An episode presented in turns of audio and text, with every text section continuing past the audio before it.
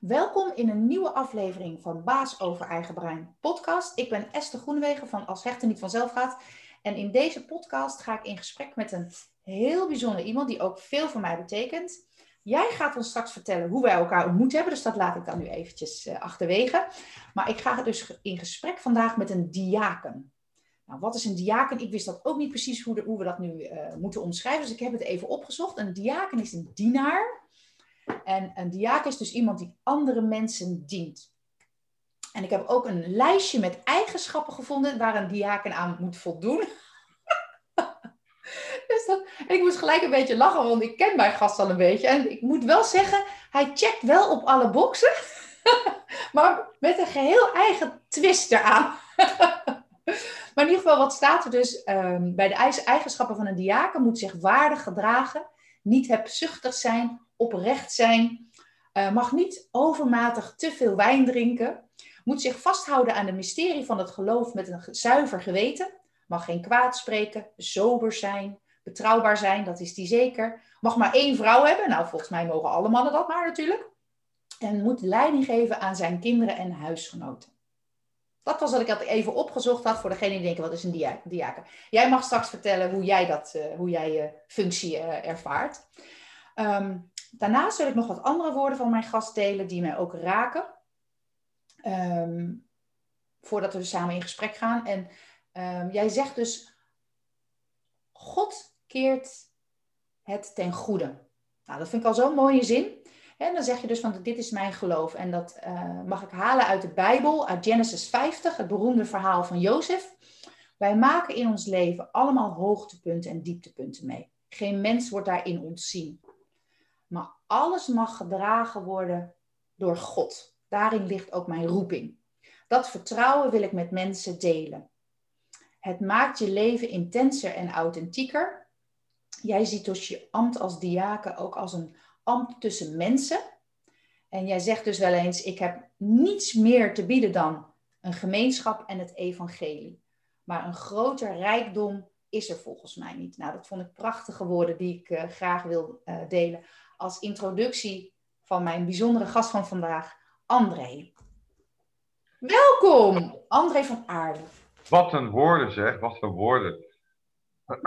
wat, uh, ik had ook je voorstukje gezien uh, op Facebook en uh, ik word er verlegen van. Ja, nou ja, inderdaad. Dus een diaken, je hebt, wat je beschreef, dat is eigenlijk wat uit, de, uit de Bijbel komt uit het boek uh, Handelingen. Daarin staat hoe een diaken moet zijn. Ja, dat is natuurlijk altijd het ideaalplaatje. Ik ben helemaal geen ideaal mens, of in die zin geen perfect mens. Dus uh, ik kan ook niet aan alle eisen constant voldoen. We proberen het wel. En ik zeg altijd maar, wij doen ons best en God doet de rest. Ja, ja, ja, ja. en zo is het uh, in, in mijn leven. Ja, nou, fijn Esther dat ik, uh, ja, dat ik bij je mag zijn op deze manier. Met, uh, met Zoom, met, onze, met jouw podcast, zeg maar. Ik heb enorm veel bewondering en respect voor je. Hoe je zo door, die, door al die jaren heen iets hebt, hebt opgebouwd en bestudeerd hebt. En dat je daar daarmee ook andere mensen zo enorm van dienst kunt zijn. Wij hebben elkaar inderdaad getroffen op een symposium van de, het, het babyhuis. Het babyhuis van Barbara Muller. En dat was een symposium bij gelegenheid van een, ik meen, vijfjarig bestaan. Um, en dat was in Corpus in Leiden. Ja. Denk ik, ja. Een grote, grote zaal. Um, nou, dat was een heel indrukwekkend. En jij, jij, zei in je inleiding dat je mij toen hoorde en dat je toen ook geraakt was. En dat was geheel wederzijds. Jij was een spreker voor mij. En we troffen elkaar, denk ik, uh, na afloop bij, uh, bij, bij, de pauze. En uh, die klik was tegelijk. Um, nou, heel mooi als je dan op zo'n symposium bent en je ontmoet dan mensen ook die, um, nou ja, waarvan je zegt, waarvan je zegt ook voelt en ervaart, die hebben, ja, die kunnen dingen over het leven zeggen, wat, ja, wat ook misschien wel wat een, universeel karakter heeft. Want als je natuurlijk spreekt over um, over jou, jouw prachtige programma uh, Als Hechten niet vanzelf gaat. Iedereen heeft natuurlijk zijn eigen levensverhaal. En we zitten natuurlijk ook momenteel een beetje in een tijd waarin we ieders persoonlijk verhaal uh, heel belangrijk vinden. En waarin iedereen tot zijn recht mag komen. En van de andere kant hebben we ook allemaal wel iets, iets gemeenschappelijks, denk ik. Er is, er is ook iets universeels in onze verhalen. Als wij nu met elkaar in gesprek gaan, dan zou het altijd kunnen zijn, denk ik, maar dat is misschien voor de luisteraar goed om te weten, dat je misschien dingen hoort waarvan je bij jezelf denkt van ja, nou ja dat ervaar ik helemaal niet zo. Ja, dat, dat zul je ook altijd hebben, denk ik. En misschien dat je dat dan over een paar maanden of over een paar jaar wel weer, uh, wel weer zo ervaart. Nou, als ik even ja, mezelf moet voorstellen. Ik ben dus inderdaad uh, André van Aarde, katholiek diaken. Ik werk in een hele grote parochie in het groene hart van Zuid-Holland. Uh, met elf kerkdorpen. Ehm, ik ben betrokken bij babyhuis en beschermde wieg van Barbara Muller. Ik heb pas ook trouwens nog een kindje gedoopt uit het babyhuis. Die moeder die wilde dat heel graag, dus toen ben ik gebeld. En toen hebben we daar hele mooie feestelijke vieringen van gemaakt. Uh, maar ik ben eigenlijk voor het babyhuis en de beschermde wieg ben ik voor, iedereen beschikbaar als het gaat om, uh, ja, om zeg maar, wat, wat geestelijke begeleiding. Daarnaast heb ik gewoon een fulltime baan. Uh, en uh, nou ja, als de mensen willen weten, ik ben 58 jaar. en een hele trotse papa ben je. Ik, ik zie vader, altijd van alles voorbij komen. Vader van vier kinderen en ik ben zelfs al opa. Ja, hoe klinkt ja. dat? Ja, als je kind bent en je kijkt naar je opa, dan ja, opa ken je alleen maar als oud. Ja, ik denk dat mijn, ik denk dat mijn kleindochter mij ook alleen maar als oud kent, maar dat weet ik ook niet. Dat is, uh, ja, dat is ook zo. Ja, ik zet af en toe wel wat op Facebook. Ja, Esther, jij vroeg mij of, je, of ik wilde meewerken aan je podcast. En dat uh, met alle liefde. Moest ik ook zelf een beetje denken. Ook, ik kijk wel vaker op jouw Facebook-site. Uh, om te kijken ook hoe het met je gaat, maar ook wat je allemaal doet. En dan luister ik ook naar je, naar je, naar je vlogs die je maakt. Ik denk dat we allemaal wel te maken hebben zo met die vragen rondom die, die, die hechting. En wanneer we denken, zo zat in mijn gedachten, wanneer we denken aan als hecht niet vanzelf gaat, dan denken we toch vaak aan, aan hele tragische situaties, want onthechten is altijd iets tragisch. Want ik denk dat de hechting, uh, dat, dat, dat, hechting tussen mensen eigenlijk iets heel natuurlijks is. En dat uh, onthechting altijd iets tragisch is. Ik wil misschien zelf zo zeggen dat ik denk dat onthechting ook altijd een beetje te maken heeft met, met iets, ja, iets ruws op een, een of andere manier. Het komt bij mij altijd iets als, iets als er iets gebroken, alsof er iets gebroken wordt. En iets breekt niet als je het aait. Het is, een, een, een breuk is altijd, heeft altijd te maken met, met, met, een, met een klap, met een, met, met, met, met, iets, met, met een hard moment. Dat kan geestelijk een hard moment zijn.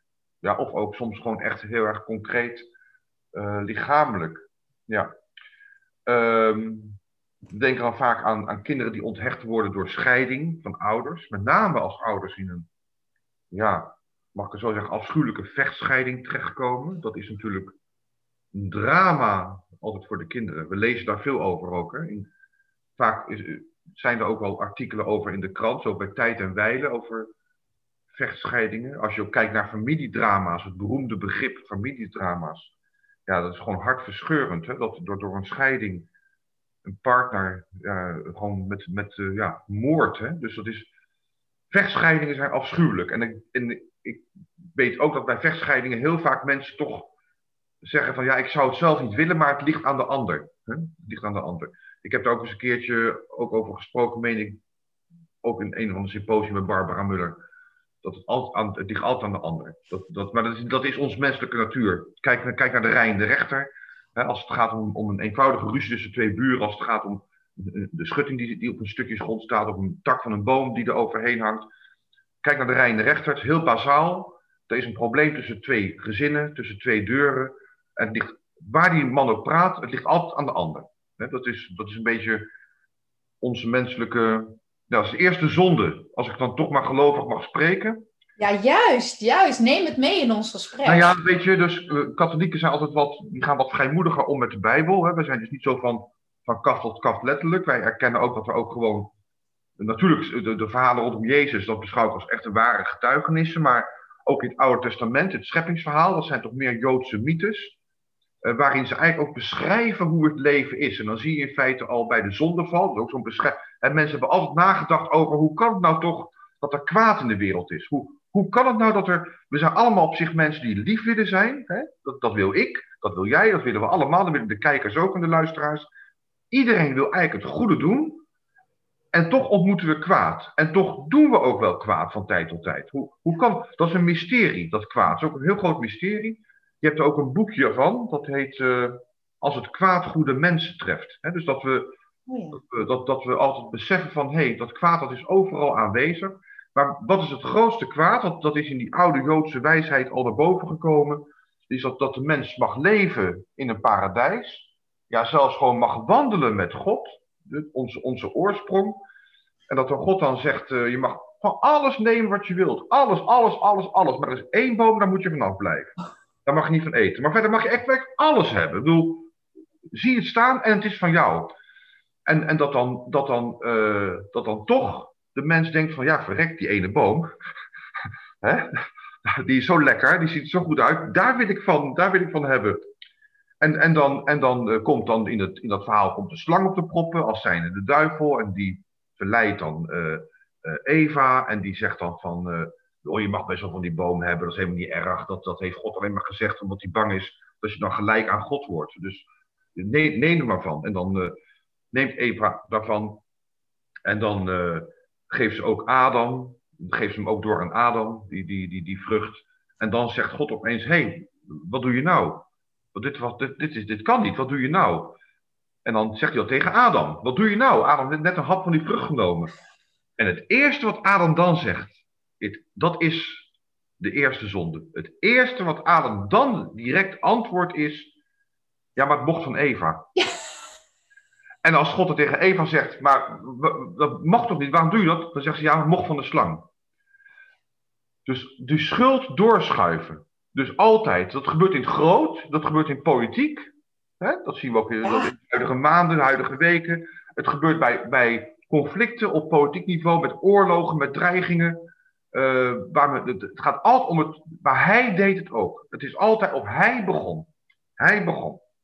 Toen mijn kinderen klein waren, dan was het natuurlijk wel eens ruzie. En dan, dan zei ik, nou kap je ermee. En natuurlijk zegt een kind er altijd dan, ja, maar hij begon. En dan zei ik altijd, het maakt mij niet uit wie er begint. Ik vind het veel belangrijker wie er stopt. Oh, mooi. Ja, en, en ik denk dat, dat, uh, dat zie je ook inderdaad bij scheuringen altijd. we hebben het over, over dat hechten, wat, dat, zo kwamen we erop, ook over scheidingen.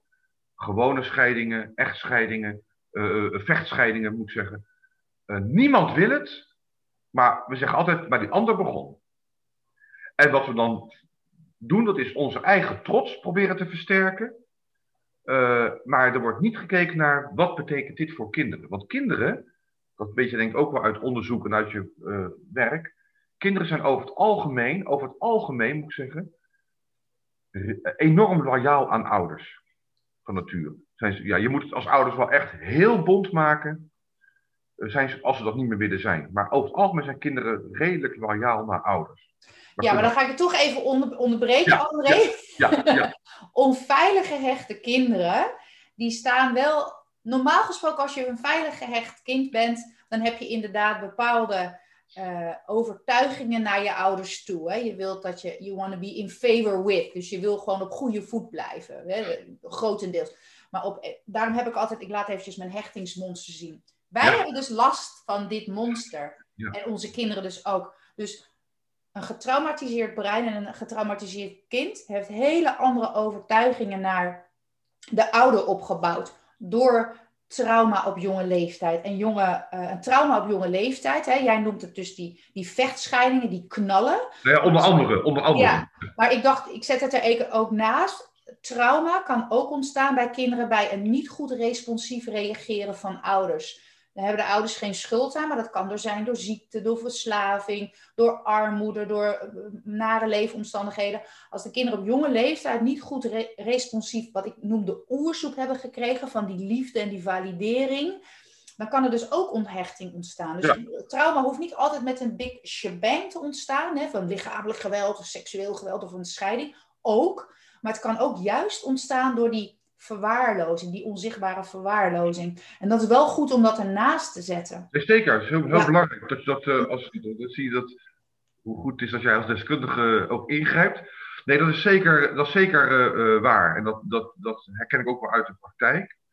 Ehm, maar het is dus in die zin, zou je kunnen zeggen, ook, ook dat is iets wat eigenlijk zou je misschien mogen zeggen zo iets ja, onnatuurlijks is in de zin van dat kinderen eigenlijk die hechting altijd nodig hebben. Maar die, die, die is er dus niet altijd. Nee, want wat ik zeg, het, ik, maak eventjes uh, het, verhaal af. Dus dat hechtingsmond, ik, ik, zeg altijd, je hebt het authentieke kind. Daar zit dat trauma overheen. Dat is verwaarlozing of mishandeling, lichamelijk, geestelijk, armoede, uh, vluchten uit een moederland, uh, van trauma, van generatie op generatie zit er overheen. Ik ben er dus van overtuigd hoe heftig dat gedrag van die kinderen ook is. Liegen, stelen, manipuleren, noem maar op, andere pijn doen. Dat, dat is het trauma wat er overheen zit. Maar daaronder zit een authentiek kind. En dat authentieke kind, daar heb jij het over. Want dat authentieke kind, dat wil verbinden met de ouder. Maar dat hechtingsmonster, dat zit er met zijn dikke billen overheen. Zo leg ik het uit. Precies, precies. En dan is het van belang uh, dat je zegt van dat, dat, dat hechten, dat, dat is natuurlijk ja, gekoppeld aan het woord, ja, aan het woord liefde. Nou moet, nou moet erbij zeggen dat liefde natuurlijk een heel breed begrip is. Een heel breed begrip. En dat iedereen het op een, een of andere manier ook wel zelf weer invult. Hè? Dus ja, er is eigenlijk niet één, één maatstaf van, van, eh, van liefde. Maar als ik vanuit, de, vanuit mijn traditie, vanuit, ook vanuit de Bijbelse traditie kijk, hè, dan, dan zie je wel dat, uh, nou dan mag ik misschien dit zeggen, vanuit de Bijbelse traditie is er op een gegeven moment iemand die aan Jezus vraagt, wat is het belangrijkste gebod in het leven? Wat is nou het allerbelangrijkste? En dan zegt Jezus, van wie wij geloven als, als christenen, dat hij het ware beeld van God is. Dan zegt Jezus, er zijn twee dingen belangrijk. En die zijn allebei hetzelfde. Hij zegt, God liefhebben, met hart en ziel, met al je krachten en verstand. En je naaste liefhebben gelijk jezelf. Ja. Daar begint hij mee. Als je dat zegt, we, we, we, misschien als je die uitdrukking nog wel kent en dan zeggen we dat heel snel. Dan vallen er twee dingen op. Namelijk in beide geboden komt het woord, staat het woord liefde centraal. God liefhebben. En je naaste liefhebben, twee keer liefhebben. En als je oplet, dan zie je ook dat de ander centraal staat. dus de ander met de hoofdletter, dat is God. En de ander met de kleine letter, dat zijn wij, even de mensen. Dus het belangrijkste in het leven is liefhebben en de ander. En is dus inderdaad dat je dus uh, dat, dat, dat liefhebben en liefde betekent dat je in staat bent om jezelf te schenken. Om jezelf te schenken. Als, als twee mensen met elkaar verder willen uh, en ze houden van elkaar, dan schenken ze zichzelf aan elkaar. Dat is een beetje tegen deze tijdsgeest in, waarin we heel erg ook nadenken over onze eigen ontwikkeling. Maar uh, wanneer zeg maar, mensen met elkaar verder willen, vanuit het perspectief, ik wil met jou verder, want dan word ik gelukkig, dan is het een kwestie van nemen, van ontvangen alleen maar ontvangen. Maar als je allebei zo erin staat en je wilt al, allebei alleen maar ontvangen, dan, dan is de put heel snel leeg. Dan, dan, en dan gaat het ook mis. Ja. Maar als je erin staat met uh, de, de, ik wil geven, ik wil, ik wil geven, dan, dan als je allebei geeft, dan schenk je en je ontvangt. Als je allebei alleen wil ontvangen, dan ben je leeg. Als je allebei geeft, dan, dan schenk je en je ontvangt. En je wordt gevoed. Hè? Dus dat is, dat is een hele belangrijke eh, wisselwerking. Uh, Jezus is daar nogal radicaal in. Die zegt op een gegeven moment: geen grotere liefde kan iemand hebben dan dat hij zichzelf geeft voor zijn vrienden. Dat hij zijn leven zelfs geeft voor zijn vrienden. Nou, dat is natuurlijk een hele grote liefde. Komt voor hoor. Zeker ook, ook in, in, in, in uh, als je verhalen hoort van, van in, in, de, in de oorlog, Maximiliaan Kolbe. een, iemand die zich, ook, die zich in, in, in, in de concentratiekamp heeft ge, heeft gegeven, hij zich, zichzelf heeft aangeboden om doodgeschoten te worden, als daarmee een jong gezin bespaard kon blijven, een gezin wat hij geen eens kende. Dus er zijn mensen die bereid zijn letterlijk om zichzelf te geven uit, uit een hele diepe liefde voor, voor de mensheid. Hè? Nou, ik denk dat dat dus het begrip liefde is dus op heel veel verschillende manieren in te vullen. Maar de basis, denk ik, van liefde is dat je, uh, dat je de liefde schenkt. En als je, als je uh, dus dat, je je medemens niet beschouwt als een middel om zelf gelukkig te worden, maar dat je de medemens beschouwt als een doel waarvoor je wil leven. Dat geldt zeker, denk ik, van uh, ja, in, in de lijn ouders naar kinderen. Dat, dat lukt dus niet altijd, hè? Want jij gaf het hele goede voorbeelden aan. Dat zou ik aan je willen vragen als we het verhaal ietsje kleiner kunnen maken en misschien iets meer gericht op de, op de doelgroep die naar, hierna gaat luisteren. Ja. Uh, de ouders hebben vaak ook als ze, ook biologische kinderen, maar als het pleeg- of adoptiekinderen zijn, dat zie ik zo vaak terug, zo'n enorm groot ouderhart, moeder of vaderhart, vol liefde. Maar dat kinderhart, dat zit op slot door dat trauma. Dus die gaan bijvoorbeeld helemaal bij adoptie. Die denken, ja, nou heb ik eindelijk dat kind opgehaald uit China, Taiwan of Colombia. Het kan, het kan verstikkend zijn zo. Niet. Het lukt niet. Verstikkend zijn. Heb je misschien ook een, een soort van referentie dan aan een verhaal? Want, want Jezus komt ook mensen tegen die hij... Hè, ik heb altijd mijn mantra, how may I serve? Hoe mag ik dienen? Dus um, heb je misschien een verhaal wat je met ons kan delen... waarin ouders kracht kunnen putten of wijsheid uit kunnen halen. Dus dat je wel die enorme liefde hebt voor je kind, maar dat het, ja, het kind kan de liefde niet ontvangen. Nee. Er zit iets overheen. Nou, kijk, liefde kan ook verstikkend zijn, benauwend zijn. Hè? En, dan, en dan is het eigenlijk ook geen, geen liefde meer. Liefde betekent ook dat je, dat je in staat moet zijn om een ander mens te laten groeien zoals hij of zij zelf bedoeld is. Er is wel een heel mooi verhaal over. Een verhaal trouwens dat Jezus gewoon ter plekke verzon. Oh. Dat vind ik zo mooi dat, dat uh, ook Jezus, als hem aan vragen gesteld werd, dan verzond hij gewoon ter plekke een verhaal om iets duidelijk te maken. En een van de verhalen die hij verzon, misschien ken je die wel, die noemen we in de volksmond. Dat is een beetje raar dat het zo genoemd is eigenlijk. Uh, in de volksmond heet dat verhaal de parabel van de verloren zoon. Ja, waarom nou de verloren zoon heet, weet ik ook niet. Maar um, dat is een verhaal, dat gaat over een, uh, over een, uh, een boer. Dat, Jezus zit, er staat in de, in de Bijbel, in, in het Evangelie volgens Lucas, hoofdstuk 15. Uh, er is, er is, een, een, een, man die heeft twee zonen. En de, en de ene zoon zegt tegen zijn vader: Mag ik alvast de, de, mijn erfenis, wat ik later mag erven, ik zou de helft erven, mag ik dat nu alvast hebben? Dat is natuurlijk op zich een hele rare vraag. En die vader die geeft die hele erfenis. En die jongen die neemt dat mee, dat geld. En die trekt erop uit. En die laat zijn vader en zijn broer in de steek. En, en, en, trekt erop uit. En dan gaat hij naar een ander land. Het is natuurlijk een verzonnen verhaal. Jezus vertelt ook heel snel. Hij gaat naar een ander land. En daar verbrast hij al dat geld. Hij zal heel veel geld gehad hebben. Verbrast hij al dat geld met feesten en met drank. Totdat, en hij heeft heel veel vrienden. Totdat het allemaal op is. En hij helemaal niks meer heeft. En dan blijkt ook die vrienden ook helemaal geen echte vrienden te zijn, maar die dachten, hé, hey, we, we, profiteren van deze gulle man. En dan krijgt hij honger en dan krijgt hij spijt en dan denkt hij, wat heb ik mijn vader en mijn broer aangedaan? Ik heb, ik heb die boerderij verlaten, ik heb, uh, en ik, ik, ben, ik heb alles, alles wat mijn vader heeft opgebouwd, wat hij aan mij gegeven heeft, heb ik verbrast. En dan denkt hij, weet je wat, ik ga terug naar mijn vader en dan vraag ik aan mijn vader of ik terug mag komen bij hem, niet als zoon, maar als knecht. En dan gaat hij terug en dan staat er heel bijzonder geschreven. Rembrandt heeft daar een schilderij over gemaakt. Dat kun je zo googelen. Verloren zoon Rembrandt. Prachtig schilderij. En dan gaat hij terug en dan staat zijn vader op de uitkijk.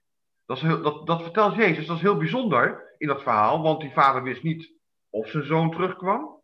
En zeker al niet wanneer hij terug zou komen. En kennelijk staat die vader op de uitkijk. Hij staat kennelijk dus iedere dag te kijken of zijn zoon eraan komt. Iedere dag.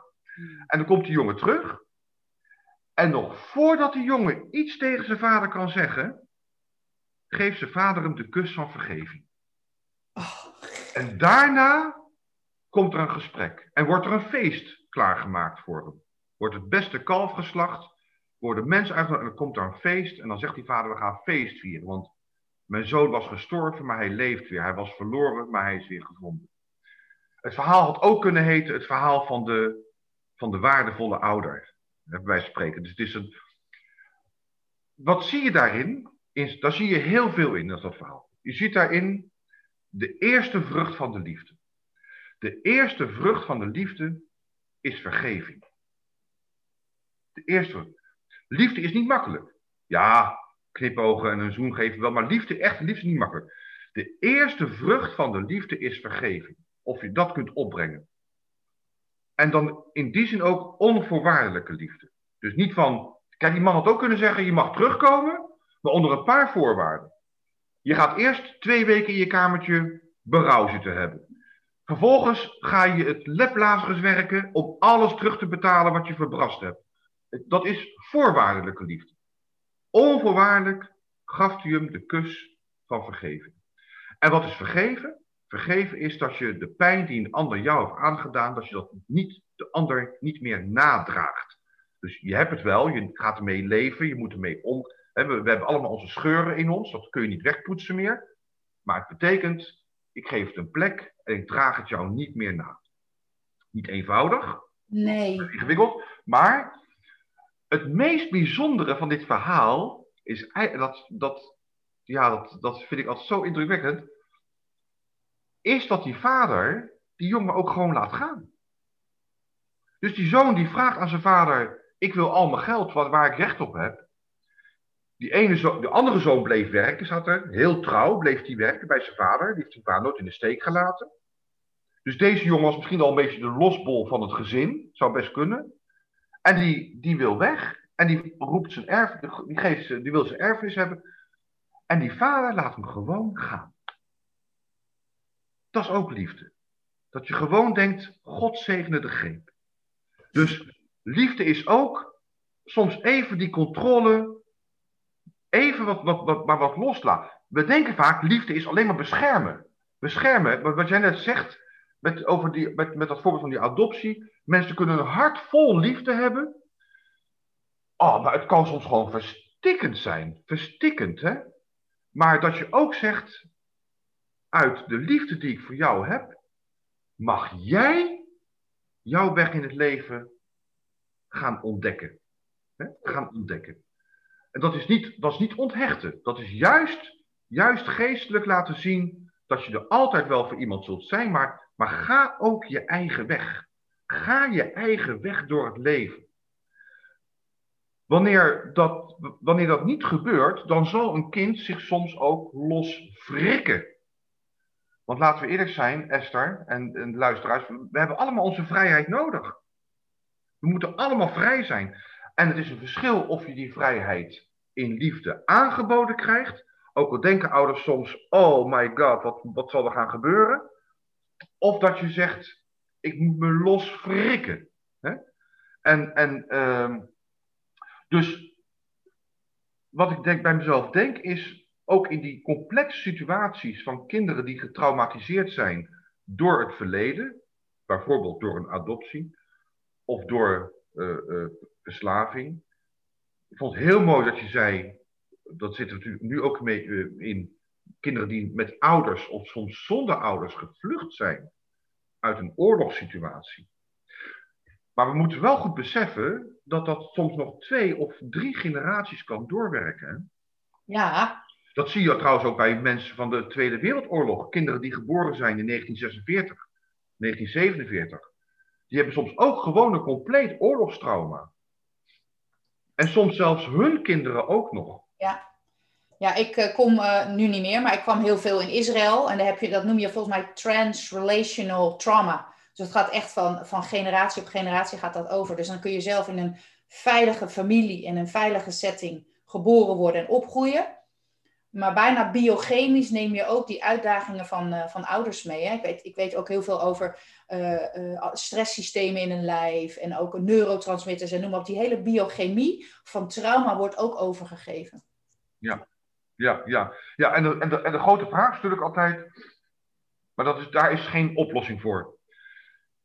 Dat zijn alleen maar. Ja, dat zijn oefeningen in het leven, zou ik zeggen. Of oefeningen in de liefde. Kijk, heel veel mensen hebben zo'n trauma. Ik heb ook zo'n trauma. Hè? Ik heb eh, tegen jou wel eens gezegd, mijn, mijn, mijn vader ging dood plotseling toen ik tien was. Hè? Je, je groeit op in een gezin. Vader, moeder en twee kinderen, twee jongens. En we zitten aan de tafel te lunchen eh, op een dinsdag, eh 20 april, ik weet het heel goed. 20 maart, 20 maart 73. Uh, ik, was, ik was tien, ik zou in het jaar elf worden. En opeens valt mijn vader dood neer. En mijn broer was niet thuis. Ik was mijn moeder en mijn vader. En mijn moeder die rent, die rent naar de telefoon en die schreeuwt tegen mij: Blijf bij papa. En ik weet nog heel goed dat ik, mijn vader die, hing tegen, die lag tegen een muur aan. Dat ik hem naar me toe trok. Ik was een kind van tien en in feite lag hij in mijn armen. Zeg maar. Uh, en het enige, mijn moeder was aan het gillen door de telefoon, nog met een draad, naar de huisarts aan het bellen. Van kom, kom, mijn man gaat dood. En dat, dat, dat ik nog zoiets zei van, nee, papa is nog niet dood. En dat ik tegen mijn vader als kind van tien alleen maar riep, ademen papa, ademen. Maar eigenlijk stierf hij in mijn armen. En toen ben ik weggehaald, ik ben aan de buren gebracht. En toen ik terugkwam in huis, toen was mijn vader al met de lijkauto weggereden. Dus dat heb ik daarna ook niet meer gezien. Dat neem ik mijn moeder niet kwalijk. Mijn moeder is nu in december overleden. Het is heel oud geworden. We hebben een goede band met elkaar altijd gehouden. Maar zij was toen ook jong en paniekerig en haar wereld stortte in natuurlijk.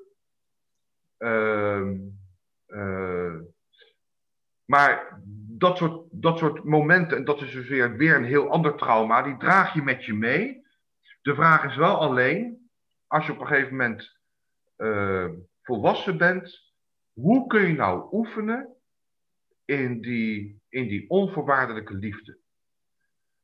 Dus liefde schenken zonder voorwaarden. Uh, en, en ook ja, leven vanuit vergeving. Ik denk dat dat heel erg belangrijk is. Um, je hebt me ook een keer tijdens onze gesprekken iets gezegd. Ik weet niet of ik het nog goed kan terughalen nu. Maar dat ging dus over haat en liefde. En toen zei je dus, want ik weet dat sommige ouders, dat gaan we natuurlijk niet vertellen op een verjaardagsfeestje, maar die echt wel een discussie of, of, of hebben van, hoe leuk vind ik mijn kind nog? Hè? Als er zoveel ja. geweld is en ja. liefde en stelen en ook echt soms oudermishandeling. Mijn ouders hebben heel veel te maken met, met, met agressie dat het moeilijk is om nog van je kind te houden. Ik durf dat wel te zeggen, omdat ik er nu niet meer, ik sta niet meer op dat punt. Maar ik heb echt wel momenten gehad in die zware jaren. Als je natuurlijk al een kind hebt wat je al 13 jaar niet wil aanraken en de eerste 10 jaar niet tegen je gesproken heeft. Wat is dan houden van? Wat is dan onvoorwaardelijke liefde? Het is zo'n grote klus. Maar op een gegeven moment heb ik met jou ook een gesprek gehad over haat en liefde. En jij, dat, heb, dat zal ik mijn leven lang niet vergeten. Toen zei je van, uh, het tegengestelde van liefde is niet haat, want dat dacht ik dus. Maar dat is oh, onverschilligheid. Onverschilligheid, ja. Kan je daar iets over zeggen met jouw wijsheid? Nou, nou kijk, haat is ook een hele diepe, een heel diep gevoel, een hele diepe emotie. Ja. En, en liefde ook. En uh, als je haat kunnen heel dicht bij elkaar liggen. Haat en liefde kunnen heel dicht bij elkaar liggen. Maar het zijn in ieder geval hele diepe emoties voor een ander. En uh, uh, onverschilligheid is werkelijk emotieloos. Dat is echt het tegenovergestelde. Ik, heb, ik ben ook leraar geweest op een middelbare school. En had, was ik ook mentor van 3 HAVO. Nou ja, bij 3 HAVO-leerlingen, daar gieren de hormonen natuurlijk bij die kinderen al door het lijf. Dus het is verkering aan, verkering uit. En toen had ik een, eh, een, een, meisje en die had dus verkering gehad en dat was uit. Dat was met een jongen van die school ook en het was uit. En die jongen die had het uitgemaakt, maar die deed ook gewoon alsof, alsof ze niet meer bestond. Dus die, in, in, ze hadden iets van drie, vier maanden verkering gehad. En toen was ze zo droevig, ze kwam met mij op gesprek, ze was zo droevig. En toen, zei ze, toen zei ze tegen mij, haatte die me maar. Dat was een kind van 15, hè? Haatte die, die maar, want dan had hij tenminste nog gevoelens voor me. Maar nu lopen we door de gang en dan passeren we elkaar en hij kijkt geen eens naar me. Ik ben, ik ben gewoon weer een van de 1200 andere leerlingen. Nou, dat is het tegen. Dat is, en dat is dodelijk. Ja. Kijk, haat is te bespreken en, en weer om te buigen. Of zoals een keer iemand uh, zei, uh, dat is een, mooie uitspraak uh, de, de, over, over de relaties ze heeft, dat ze ook wel eens natuurlijk mot hebben, hè, onderling. Dan ben je boos op elkaar. En dan, uh, en dan werd wel van, hou nog van me? Nee, weet je wel. en dan werd dan wel ze in goede tijden tegen elkaar zeiden, laten we één ding afspreken. Ook als we even niet van elkaar houden, houden we toch van elkaar. Ja. als je dat weet, dus ook als ik tegen je roep, of als ik tegen je schreeuw, als ik een deur dicht smijt en ik zeg tegen je, ik hou niet van je, dan, dan, dan, dan, dan schrik je. Maar als je van tevoren hebt gezegd, maar als ik dat zeg, dan hou ik toch van je. Dan moet je goed weten. dat, dat, dan is, dat, dat betekent dat alle lijntjes in feite gewoon nog openstaan. Ja. Ook bij haten. In feite zijn alle lijnen zijn er nog wel. Dus als de kinderen, dus als de kinderen zeggen tegen ouders, ik haat je en ik wil dat je er niet meer bent. Dan is dat eigenlijk die haatgevoelens die net zo intens zijn als die, als die Het wordt, het, wordt pas, het wordt pas zorgelijk als ze zeggen, nou, ik, ik, ik, ik zie mijn vader, maar ik heb er werkelijk helemaal geen gevoel bij. Helemaal geen gevoel bij. Dan, dan, dan, wordt het, dan wordt het inderdaad, ja, dan is er iets bezig aan de hand. Ja, weet je, ehm, ik werk in de kerk en in, we zitten nu in een tijdsgeest waarin de, de kerk en het geloof, nou, dat zijn er niet de meest uh, enthousiaste onderwerpen in de huidige samenleving. Het woordje religie komt eigenlijk van het Latijns woordje religare. Religare. Dat betekent verbinden. Eigenlijk betekent religie is dat je als mens je altijd verbonden voelt uh, met anderen. Met je kind, met je vader, met je moeder, met God. Uh, een verbinding die, uh, al is het maar het dunste draadje, het dunste draadje. En als, als die verbinding er niet is, dus als, het, als, het, als, het, ja, als die hechting er niet is of nooit is geweest, of inderdaad, zoals jouw prachtige bedrijf heet, niet vanzelf gaat, dan is het eigenlijk, dan moet er altijd, ja, zou ik bijna zeggen, gewerkt worden, al, al kunnen we maar één draadje met elkaar eh, spannen weer. En ik denk, als je één draadje kunt, kunt spannen met de ander, dan is er eigenlijk al een wereld gewonnen. Maar we zitten natuurlijk ook een beetje in het tijdperk, Esther, dat we het liefste, we willen iets, we willen iets en het liefste wel nu. dus, maar leven vraagt eindeloos veel geduld. En wat ook nodig is, is dat we beseffen dat we kunnen heel veel van onszelf geven. Een luisterend oor, liefde, vrijheid, vrijheid schenken. Maar wat wij geven, dat zaaien we. En we zijn nu ook een beetje in het tijdperk hè, van de, de, internet kopen. Uh, uh, we willen ook wel gelijk oogsten. We willen best wel zaaien, maar we willen ook de resultaten zien. En soms werkt dat niet zo. We kunnen zaaien en misschien dat de resultaten over 60 jaar te zien zijn. Als wij niet meer zijn en je kind oud is. Maar er is wel gezaaid. Dus, dus we mogen daar ook soms wel, uh, we hoeven niet direct alle resultaten te zien daarvan. Het is heel mooi, hè? In een van de psalmen, een beetje oudbollig, maar psalmen waren eigenlijk liederen, popliederen, pop, populair, van het volk. Psalmen waren in die tijd liederen van het volk. En een van die psalmen, psalm 139. Dat is een psalm die is door koning David geschreven. En die, en die, die schrijft ergens in, in die psalm, vers 13, dat zal ik even voorlezen.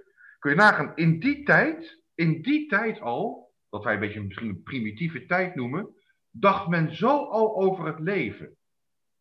Hij schrijft dan tot God, U was het die mijn nieren vormde die mij weefde in de buik van mijn moeder. Ik loof u voor het ontzaglijk wonder, ontzaglijk wonder van mijn bestaan. Wonderbaarlijk is wat u gemaakt hebt. Ik weet het tot in het diepst van mijn ziel. Toen ik in het verborgene gemaakt werd, kunstig geweven in de schoot van de aarde, was mijn wezen voor u geen geheim. Dat vind ik zo'n mooie zin hoeveel shit je ook om je heen hebt. En al kotsen de mensen je uit, je mag altijd diep in jezelf weten dat je ten diepste een geliefd mens bent. Dus ook al zijn alle draadjes op aarde verbroken, ik vind het voor mezelf heel krachtig te weten dat het draadje met God nooit verbroken wordt. En dat ik daardoor altijd weet wat liefde is. Ja, en dat is mooi dat je dat zegt, want ook een van de redenen waarom ik zo graag met jou in gesprek wil gaan. Ik moet zoveel, voornamelijk alleenstaande moeders, soms ook alleenstaande ouders, die dan één of meerdere uitdagende kinderen hebben, geen netwerk, maar ook geen religie. En, in ik, en, nou, wat jij zegt, er wordt tegen aangeschopt, er zijn natuurlijk een beetje niet zulke handige dingen naar boven gekomen. Misschien is het instituut ook iets verouderd, mag het best een beetje een, een mag best eventjes een bezem doorheen. Maar ik ben zelf van mening dat het zo'n krachtig instituut is, als je dat mag zeggen zo. Maar, of, of ja, ik noem het ook wel eens een, een family of a tribe of een clan. Hè? Dus iets waar je onderdeel van mag zijn. En wat ik ook vertelde in het voorgesprek, soms mag ik spreken voor uh, allerlei stichtingen en organisaties. En ik zie gewoon als er een, een, een wat voor iets je dan ook uh, qua geloof aanhangt, er is altijd een familiegevoel. Een sense of belonging. Ik hoor ergens bij. Nou, ik, als ik het uitspreek, dan krijg ik gelijk al kippenvel. Want juist in die westerse welvaart, die wij zo uh, aanhangen, uh, daar is een relationele armoede in ontstaan. En die wordt eigenlijk alleen maar groter en groter. En met mijn kennis en expertise over hechtingsproblematiek weet ik daarvan, dat doet iets met dat brein. En dat doet ook iets met, dat, met de verbinding en de hechting in dat brein. En hoe minder je hebt aan ontmoetingen per dag, per week, per jaren, hoe minder je dus dat brein ontwikkelt. Maar er zit zoveel kracht in die verbinding. En religie is een hele mooie vorm om dan het is oer. in, in, in, in te gaan. Het is een oer, het is een oerelement van ons leven eigenlijk. Wat een beetje weggedrukt wordt. Kijk, en alles heeft zijn plussen en zijn minnen, hè? Dus, dus hou me te goede. Maar we hebben nu in ons tijdperk het individu zo vreselijk hoog gezet. Uh, als zeg maar, het, uh, als je zegt van uh, nummer 1, 2, 3, het individu staat op 1, individu, individualistisch. Dat is zo vreselijk hoog dat inderdaad het ergens bij horen uh, staat op de tweede of derde plek. Is, is, speelt geen hoofdrol. En ik denk dat het eigenlijk omgekeerd hoort te zijn. Maar nogmaals, uh, je, je, kunt ook, net zoals met, met wat we aan het begin van de, het verhaal zeiden, hè, dat liefde ook te beklemmend kan zijn, te benauwend kan zijn. Dat heb je natuurlijk ook binnen gemeenschappen. Hè? Dat ja. is, maar, maar het gaat altijd juist om de goede balans. Als, als een balans doorslaat naar een verkeerde kant, moet je niet alles weggooien. We moeten altijd zoeken naar de goede balans. Overigens, jij zegt net, ik werk natuurlijk heel veel met alleenstaande moeders. Die het uh, hè, dat zei je toch? Uh, die ja. Het ja, nou dat wil ik ook zeker, ik wil hen ook zeker een compliment geven. Uh, als ze dit ook gaan zien of horen. Want ik besef ook heel goed dat dat loei en loei zwaar is. En ik besef ook heel goed dat wanneer je alleenstaand bent en je hebt een kind en het, en, en het gaat dus niet goed, om welke reden dan ook, en er is voorlopig geen, nou ja, de beroemde uitspraak tegenwoordig, geen licht aan de horizon, aan, aan geen eind aan de tunnel. Dat je gaat slapen en dat je de volgende dag je wakker wordt, dat je denkt van, oh, weer zo'n dag.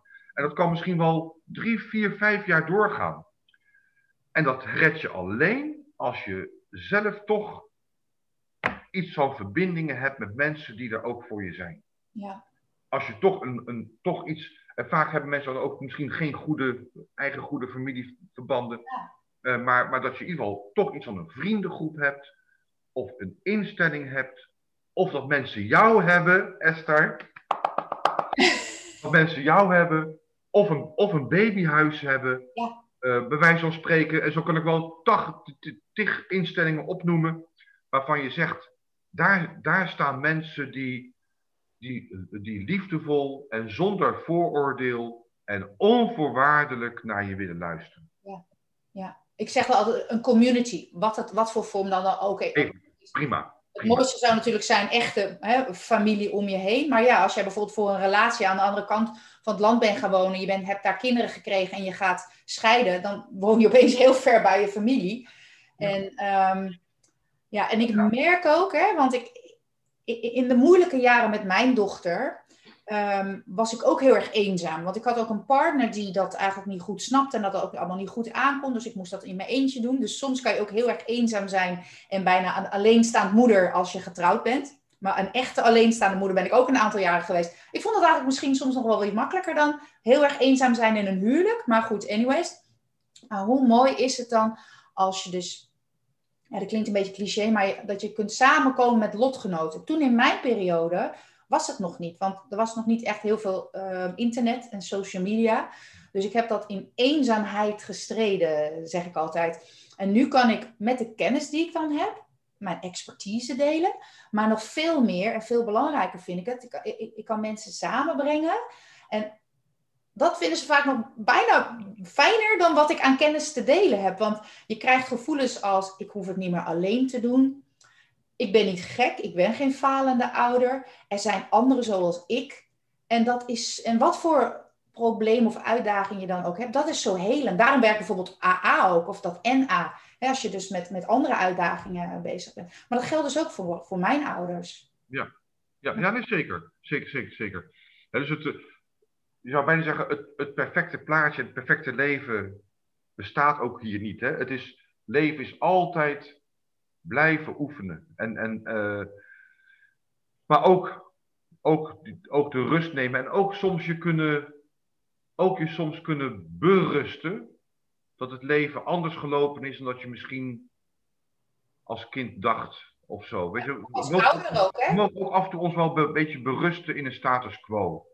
Dat, dat, dat is ook wel eens goed. Dat geeft ook wat relaxed, relaxedheid, zou je bijna zeggen. dat, is ook, nou, dat is wel mooi dat je het zegt, want ik, ik vind dat we nu denken dat het leven een beetje maakbaar is. Als een kind niet goed leren, dan gaan we er alles op inzetten, want die moet op, op, op minstens uh, eh, HBO en weet ik veel wat uh, eindigen.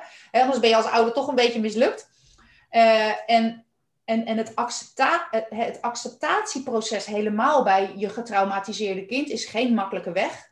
Want je hebt met die moederliefde te maken die niet ontvangen kan worden, met dat hele extreme gedrag. Je kunt eigenlijk nergens met je kind terecht. En daarin, in al die uitdagingen, toch je weg zien te vinden. Ik, ik klink soms een beetje te veel als een zendeling volgens mij, want sommige ouders kunnen dat dan nog helemaal niet aan. Maar ik zie heel vaak mijn kind ook bijna als mijn mentor, als mijn teacher. Hè, dat snapt zij niet dat, dat dat soms voor mij is, maar die vanzelfsprekendheid bij hele veilig gehechte kinderen die het goed doen, die heb ik natuurlijk niet. Dus ik moet constant eigenlijk wel met mezelf aan de slag. En uiteindelijk kan ik daar gewoon het ware geluk in zien en het ware geschenk in zien. Maar ja, ik, dat, kan ook, dat kan ook omdat ik er al een beetje uit begin te komen uit mijn donkere dal natuurlijk. Hè? In die hele heftige jaren dan uh, denk je alleen maar, why me, why me? Ja, ja, ja.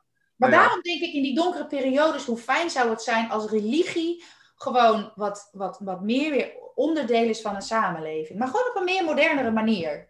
Ja, op een moderne manier. En, en, en de, uh, daar kunnen mensen ook natuurlijk in groeien. Nou, ik moest ook even denken nog aan. aan uh, we zitten natuurlijk in die, in die uh, nare periode van, de, van corona. Wat ook voor heel veel kinderen, voor pubers ook, ja. echt zwaarder is dan, dan wij als volwassenen vaak vermoeden.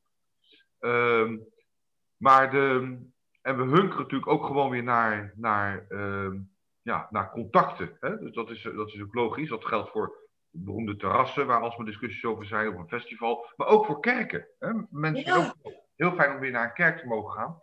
Maar de, eh, los daarvan denk ik bij mezelf, uh, dat vind ik wel weer een pluspunt. Dat mensen ook, uh, die social media, die, die heeft ook allerlei nadelen, die kunnen we zo opnoemen. Maar een groot voordeel is, is dat mensen toch ook uh, in, hun, in hun avonduren, als ze alleen zijn en ze zijn moe van de dag, maar mag gewoon zeggen dat ze gewoon even lekker gaan Facebooken om eventjes, even elkaar te treffen.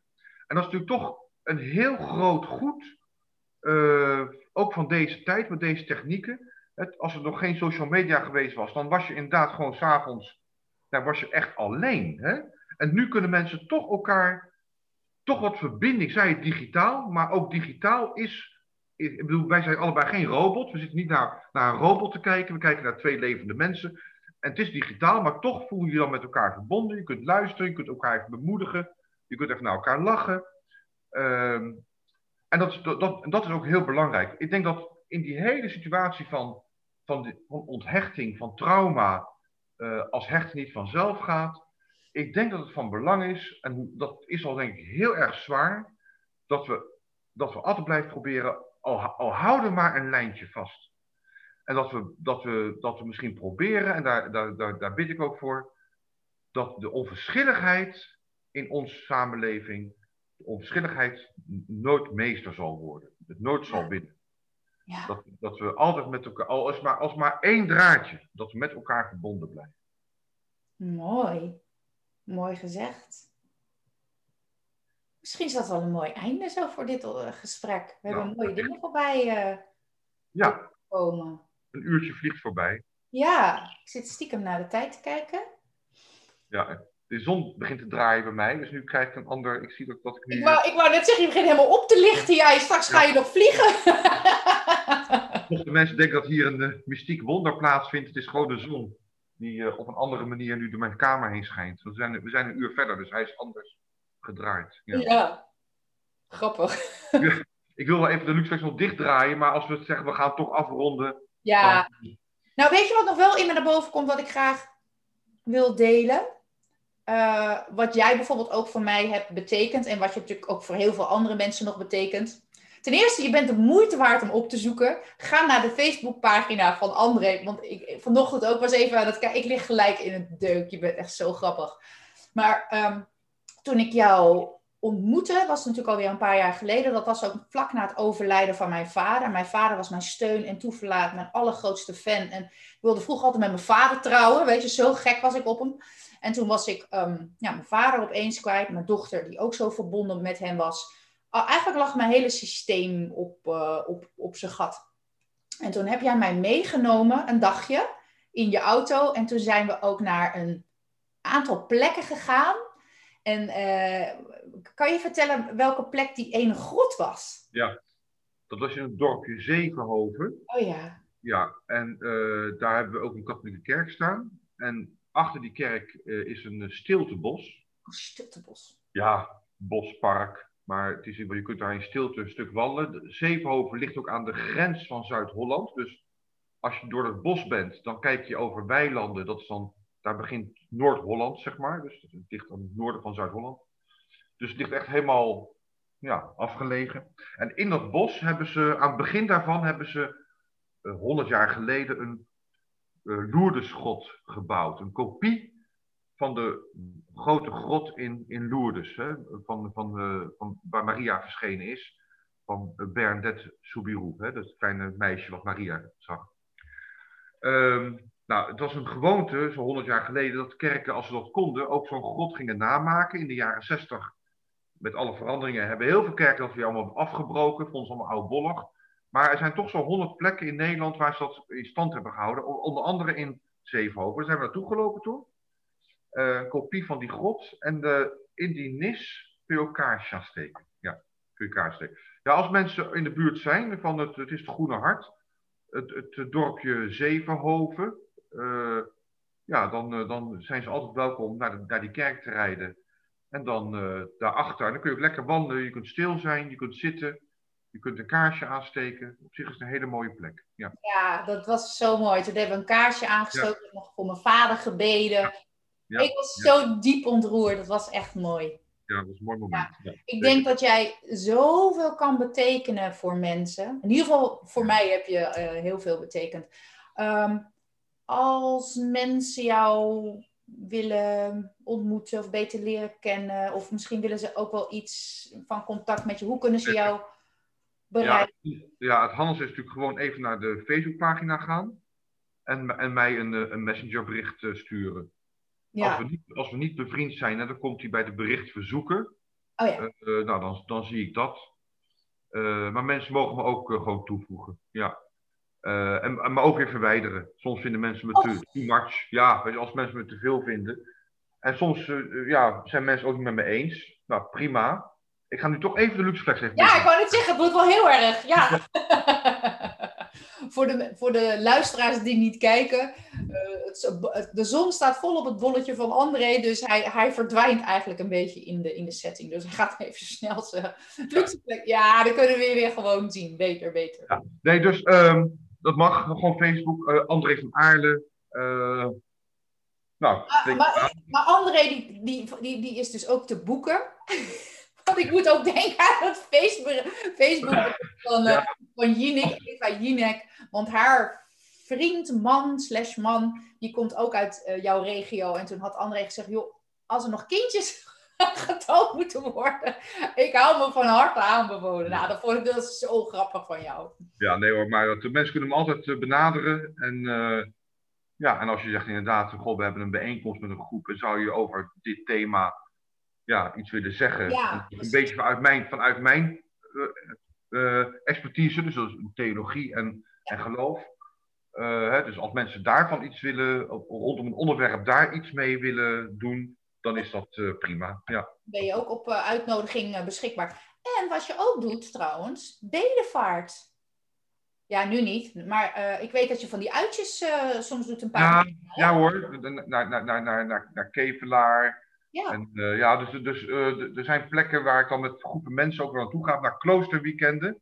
Ja. Kloosterdagen organiseerde ik ook. Dan ga ik met kleine groepjes mensen naar een klooster en dan leven we mee met de, met, met de zusters of met de monniken. Uh, we doen ook wat, wat een beetje een lectio divina, een beetje meditatief, een stukje tekst uit de Bijbel lezen. maar ook vrij, vrij zijn. En, dus het is, maar ja, dat ligt allemaal stil nu, Esther. Dat is natuurlijk allemaal... Maar goed, als, de, als mensen dit een jaar later... of misschien Ja, nee, zeker. dan ben jij weer volop bezig. Dus het is goed om te weten dat eh, als, als je dit gesprek als waardevol hebt ervaren en denkt van, nou, die André, die vind ik echt een toffe peer. Je bent dus voor alles ben je dus eh, beschikbaar, omdat jij ook je missie en je liefde wil uitdragen. Ja, zeker weten. Dus dat is goed om te weten. Zeker weten. Nou, Nou, dat was het. Ik ja, ik vond het eh, fijn om, eh, ja, om bij je te zijn op deze manier. ja, Met elkaar te praten. Ja, precies. En ik hoop dat het ook waardevol is geweest voor de luisteraars. Nou, heb je dit helemaal tot het einde uitgeluisterd of bekeken en je vond ons gesprek interessant? Je kunt altijd het abonnement nemen op het kanaal waar je naar luistert. Dus dan krijg je volgende gesprekken automatisch of in je mailbox of je krijgt er een melding van. En dan ehm, ja, hoop ik je weer te ontmoeten of live op Facebook of op een ander kanaal met mijn volgende eh, aflevering van de Baas over Eigen Brein podcast. Ben je nou ouder of professional en wil je meer te weten komen over hechtingsproblematiek? Ga dan naar eh, mijn website www.alshechten-niet-vanzelf-gaat.nl en daar kan ik je heel veel vertellen over de diagnose en misschien wel verder helpen. Nou, fijn dat je hebt geluisterd en tot de volgende keer. Bye bye. Eh.